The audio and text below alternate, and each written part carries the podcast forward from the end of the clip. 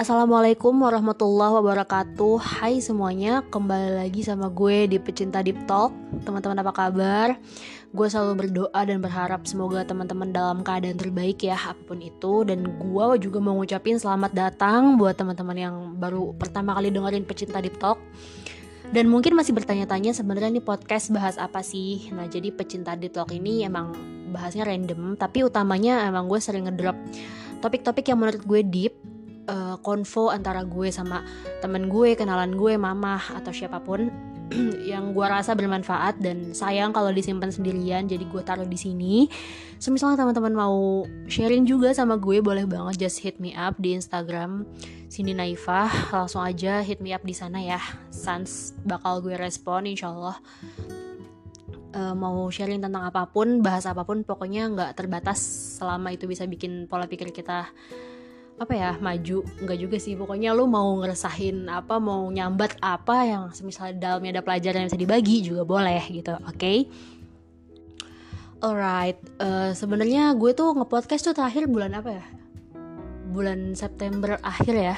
Belum lama. Nah di situ gue kayak mikir aduh kayaknya gue rest dulu deh bentar. Tapi ada satu kejadian nih baru kejadian banget dan dalam kejadian itu gue mengambil moral value yang luar biasa ya.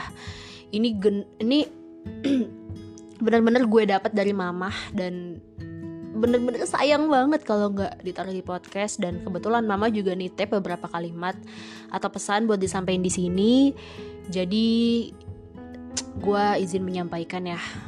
Gue berharap semoga dalam cerita ini ada pelajaran yang bisa dipetik. Dan tolong doain semoga soon mama bisa collab ya ngobrol juga di sini bareng-bareng. Jadi nggak suara gue doang suara mama juga gitu. Amin amin amin. Kalau gitu biar nggak lama-lama kita mulai aja. Oke jadi singkatnya begini uh, jadi gue punya temen.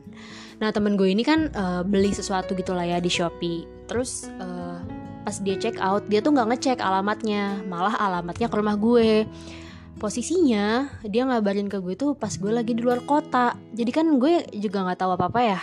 Ngedadak dan ya udah gue kayak ya udah nggak apa-apa gitu. Di drop di rumah gue. Biasanya juga misalnya gue keluar kota terus ada paket aman-aman aja sih. Paling ditaruh di teras atau nggak dititipin ke tetangga gitu kan. Uh, awalnya nggak mikir macam-macam ya udah sans aja gitu. Nanti gampang lah gue ngirim ke temen gue ini mau gue send kayak atau ketemuan atau gimana gitu. Eh kodarullah emang sebenarnya agak mistis nih ya. Jadi si abang kurirnya ini udah nganterin ke gue ke rumah gue. Udah diambil sama orang. Padahal di dalam rumah itu nggak ada siapa-siapa. Sebenarnya ada yang ninggalin sih pas gue keluar kota sekeluarga. Itu ada kakek gue sama om gue. Tapi kakek sama om gue tuh kerja gitu loh ngerti gak sih? Jadi sebenarnya rumah tuh jam-jam segitu emang kosong. Tapi ada yang nerima dan ada tangannya ada wujudnya gitu. Tangannya doang sih dan sampai sekarang itu paket hilang gitu. Sekarang tuh nggak ada jejaknya bekasnya ke mana nggak ada. Tapi katanya udah diterima dan emang ada bukti fotonya. Tapi sampai sekarang barangnya nggak ketemu gitu. Akhirnya dipermasalahin kan ya pastilah.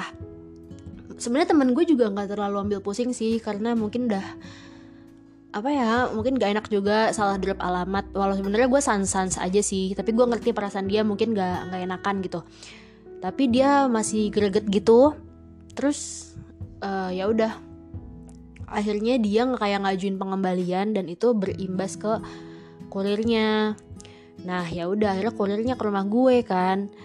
Mastiin kalau barangnya tuh emang benar-benar hilang gitu. Dan gue jawab ya beneran hilang gitu beneran gak ada. Yang terima siapa? Juga dia juga bingung si kurirnya soalnya fotonya nggak nyampe ke muka gitu kan. Jadi gue nggak bisa mengenal nih yang nerima siapa cuma ada tangannya doang.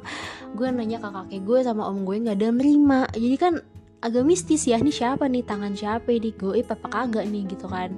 Nah terus mama gue nih bantuin gitu loh kayak nanya-nanya ke tetangga juga. Gue udah sempat ke rumah tetangga tapi nggak ada yang bilang atau merasa pernah menerima paket tersebut. Jadi emang sampai sekarang hilang cuy. Sampai sekarang gue nge-record nih podcast juga belum ada barangnya gitu. Terus uh, akhirnya si kurir ini kan ke rumah ya. Baru semalam baru semalam banget ke rumah. Terus mukanya tuh gimana ya? Gue gue ngerti sih jadi dia kayak dia takut gitu mungkin ya. Gue ngeliat aura-auranya sih kayak gemeter takut. Soalnya kan berimbas ke dianya nggak bisa gawe ya besokannya gitu nggak bisa kerja sampai itu paket tuh ketemu lah istilahnya gitu kan. Ditahan sama Shopee-nya. Terus uh, akhirnya uh, gue bilang eh btw di sini gue nggak apa nggak nutupin nama nama Shopee-nya soalnya. Kenapa ya? Soalnya gue mikirnya juga Shopee-nya aman-aman aja ya. Nggak apa-apa ya udah kesebut emang udah kebijakannya dan menurut gue ya nggak apa-apa kayak gitu. Cuman di sini ada pure kesalahan ininya sih kesalahan rame-rame lah gitu. Kesalahan temen gue salah drop alamat kesalahan gue nya juga tuh anggota keluarga gue juga nggak jelas itu tangan siapa dan kesalahan kurirnya juga motonya nggak lengkap dan gak nanya namanya dan nulis namanya atas nama penerimanya atas nama gue gitu. Pokoknya intinya salah semua bukan pihak Shopee-nya sama sekali justru malah mereka yang ngebantu gitu. Terus udah abis itu dia tuh kayak takut terus gimana gimana pokoknya ya you know lah uh, kurir gitu kan. Uh, gue kalau misalnya lihat di Twitter gitu memang nggak semua tapi emang kebanyakan tuh dapat pengalaman nggak enak gitu kali ya. Atau enggak nggak nggak cuman kurir sih jadi kayak profesi yang menurut gue apa ya bisa dibilang sering diremehin atau kayak low cost gitu lah ya. Itu kan emang kadang suka dapat perlakuan gak enak ya dari yang levelnya di atasnya gitu. Gue sangat mengerti ketakutan dari abang-abang ini. Mungkin ngiranya kita juga bakal kayak gitu jadi ya ya udah di situ gue kayak aduh yaudah deh bang nggak apa-apa gitu. Nggak usah di terlalu masalahin banget teman saya juga nggak apa-apa. Nanti semisal teman saya minta ganti juga saya aja ganti kata gue gitu. Gue intinya apa ya gue nggak mau terlibat lebih jauh gitu loh. Kasian juga dianya kan ya. Terus dianya juga dia sebenarnya awalnya apa ya menolak gitu loh. Enggak kak saya bakal ganti rugi kok kak gitu gitu intinya gue sama dia kayak udah nggak apa-apa nggak saling nggak apa-apa gimana dah? Kayak ya udah saya tanggung jawab saya tanggung jawab gitu gitu lempar lemparan ya udah akhirnya kata gue ya udah bentar ya mas. Akhirnya gue masuk ke kamar kan. Gue samperin mama di situ mama posisinya udah selesai sholat. Gue bilang mah ini masalah yang kemarin. Btw mama tuh juga bantu kan masalah ini kayak nanyain tetangganya ngechat teleponin kayak ini kan soalnya paket temen ya paket temen gue. Maksudnya paket orang bukan paket kita gitu. Jadi ya kalau hilang kasihan temen guanya kalau itu paket kita kita orang mah ya ya udahlah bodo amat ya udah gitu. Nah karena beliau juga tahu perkaranya jadi beliau juga bantu. Tahu kan oh itu kurir yang masalah kemarin gitu. Ya udah akhirnya mama uh, mau nyamperin. Terus gue bilang mah kasihan mukanya kayak gemeter kasihan takut gitu. Maksudnya jangan dimarah ya walau iklan. Uh, walau gue tahu mama tuh juga pasti nggak bakal kayak gitu nggak bakal ngemarah tapi cuman apa ya ya intinya ngasih tau lah beliau tuh si maksudnya si abang korir tuh udah takut gitu mukanya. Terus kata mama gini iya mama ngerti ya udah sekarang kakak ke dapur ke kulkas ambil teh bandulan. Btw gue kan nyetok ya tuh teh bandulan. Ambil dua gelas sedotannya di atas sini gitu. Habis itu gue ambilin tehnya gue kasih ke mama. Akhirnya mama keluar rumah ke teras bawa teh itu terus bilang gini mas nih minum dulu.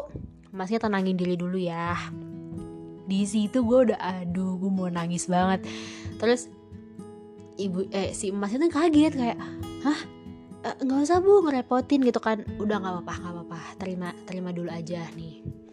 Uh, akhirnya suruh duduk duduk dulu. Beneran akhirnya dia agak tenangan gitu karena dia tadinya nyamperin gue tuh panik dan gue juga orangnya kan panikan ya. Jadi gue sama dia sama-sama panik gitu. Loh tapi pas mama datang kayak cuah dihembusin apa ya angin dingin gitu ya. Langsung semuanya tuh gue gue juga ikutan mulai tenangan dan abangnya juga lebih tenang gitu loh terus baru deh dia duduk santai eh, akhirnya menyampaikan maksudnya. Katanya maksudnya ke rumah tuh itikat baik mau ganti rugi mau bertanggung jawab. Terus kata mama saya ngerti saya ngerti maksud baik mas tuh gimana. Akhirnya ngomongin pelan-pelan gitu kan. Ini bener-bener bikin gue terharu banget kayak wow gitu. Seharusnya kita bisa marah-marah karena emang udah uh, apa kelalaian dia gitu es kurir gitu. Tapi di sini juga gue mikir marah juga apa gunanya ya gitu. Apalagi uh, di kalimat yang mama bilang ke dia mas yang namanya takdir Allah kita tuh udah nggak bisa kan apa yang namanya ngelak gitu. Kalau udah kodarullah wa masyafaal ya udah mas mau gimana lagi? Gitu. Di situ masnya kayak iya sih bu bener di situ gue kayak aduh ya Allah deh akhirnya uh, diomongin baik-baik terkait perkara itu ya emang barangnya nggak ketemu tapi kita belum cari jalan pintasnya aja yang kayak bener ini kan di luar kendali kita ya. Mau ngilangin juga emasnya nggak ada niatan kayak gitu terus kitanya juga pokoknya gimana ya kalau udah kodarullah tuh ya harus gimana kan udah nggak bisa diapa-apain lagi tuh gitu. Sekarang ya tugas kita memperbaiki yang ke depannya gimana. Nah ini kan yang jadi masalah si emasnya ini kan nggak ini kan jadi nggak bisa gawe kalau misalnya masih dikomplain barangnya hilang. Terus ya udah akhirnya kita menyelesaikannya dengan kekeluargaan lah ya gitu bilangnya. Termasuk temen gue juga uh, gue sama temen gue juga teleponan. Intinya kita nggak clear nggak clearin masalah inilah gitu. Uh, di situ mama bilang kalau ya saya juga manusia biasa, Mas juga sebagai kurir juga manusia biasa, nggak mungkin nggak ada luput dari salah-salah, dari kurang-kurang pasti ya ada. Apalagi yang namanya masalah kayak gini kan benar-benar di luar kendali kita dan semisalnya udah kejadian ya harus digimanain lagi mas gitu. Intinya nggak apa-apa. Akhirnya bla bla bla bla bla bla dan akhirnya apa ya gue tuh adem dan gue mau nangis banget karena di situ benar-benar mama tuh ngerangkul beliau banget. Saya ngerangkul si emas-emas ini banget gitu. Dan yang tadinya emasnya gugup takut dan gue ngeliatnya kayak mau nangis gitu ya. Ini tuh udah kayak bener tenang dan mulai stabil gitu loh. Terus um, dan akhirnya diselesaikan dengan kalimat ya udah uh, mas sudah sholat belum? Gitu. Mas muslim kan? Gitu. Iya bu saya muslim. Udah sholat maghrib belum? Karena itu datangnya maghrib maghrib itu juga posisinya gue mau berangkat ngajar tapi ketunda. Terus kayak masnya iya saya belum sholat maghrib sekarang sholat ke masjid. Uh, pokoknya gitu-gitu deh. Gue kayak duh adem gitu. Akhirnya semua perkara selesai dengan hikmat dengan aman sentosa dan uh, masnya pamit. Dan pas sudah masuk rumah gue bilang kayak mah aku nggak nggak nyangka gitu jawabannya bakal kayak gitu. Maksudnya apa yang mama lakuin tadi tuh bakal kayak gitu banget gitu loh. Mama selembut itu sebaik itu yang mungkin buat sebagian orang dirasa itu nggak terlalu diperlukan gitu. Buat ke mereka-mereka yang profesinya yang kayak gitu gitu. Terus uh, ini gue ngomong bukan berarti gue underestimate dia sama sekali nggak tapi gue cuma mengambil banyak pelajaran atau kasus yang gue temuin gitu loh. Biasanya kan kita tuh sarkas kan kayak ke modelan kurir gitu supir pembantu kayak mereka kayak nggak apa-apa nggak apa-apa aja kayak di serve di serve aja gitu loh sama makian kita omelan kita. Karena kadang ngerasa kita tuh manusia ngerasa semisal kita di atasnya mereka ya kita berhak berhak aja loh melakukan hal tersebut. Di situ mama bilang kalau jangan nak gitu. Jangan pernah mikir kayak gitu. Karena bumi ini tuh punya Allah. Kita tuh oke okay lah misalnya alhamdulillah kita di atasnya dia. Tapi apa kita berhak kayak gitu? Apa yang kita punya sekarang kan juga cuma titipannya. Mau kita setinggi siapa pun kita di atas siapa pun kita sama sekali gak berhak buat tinggiin suara buat bersikap arogan bersikap seenaknya semaunya di depan manusia yang posisinya emang levelnya secara duniawi ya di bawah kita gitu. Kita nggak ada hak untuk kayak gitu nak gitu. Mau banggain apa sih gitu? Kita mau elu-eluin apa yang ada di diri kitanya. Sementara itu semua cuma titipan gitu loh. Siapa manusianya siapa pun manusianya kita harus memperlakukannya dengan baik lah aja gitu. Emang treat human rights gitu. Di situ gue lagi-lagi tertampar gue juga sama sekali gak ada niatan buat marah-marah. Tapi setelah berkaca dulu gue juga mikir kalau emang kadang orang yang profesinya low cost kayak gitu kadang suka tanpa uh, ini uh, subconsciously gue bentak atau enggak gue marah-marah gitu. Kayak gimana sih? Kok kerjanya gini? gitu. Padahal kita as human being ya gimana ya? Manusia juga kerjanya mau serendah apa pun atau setinggi apa pun kan harusnya sama rata ya.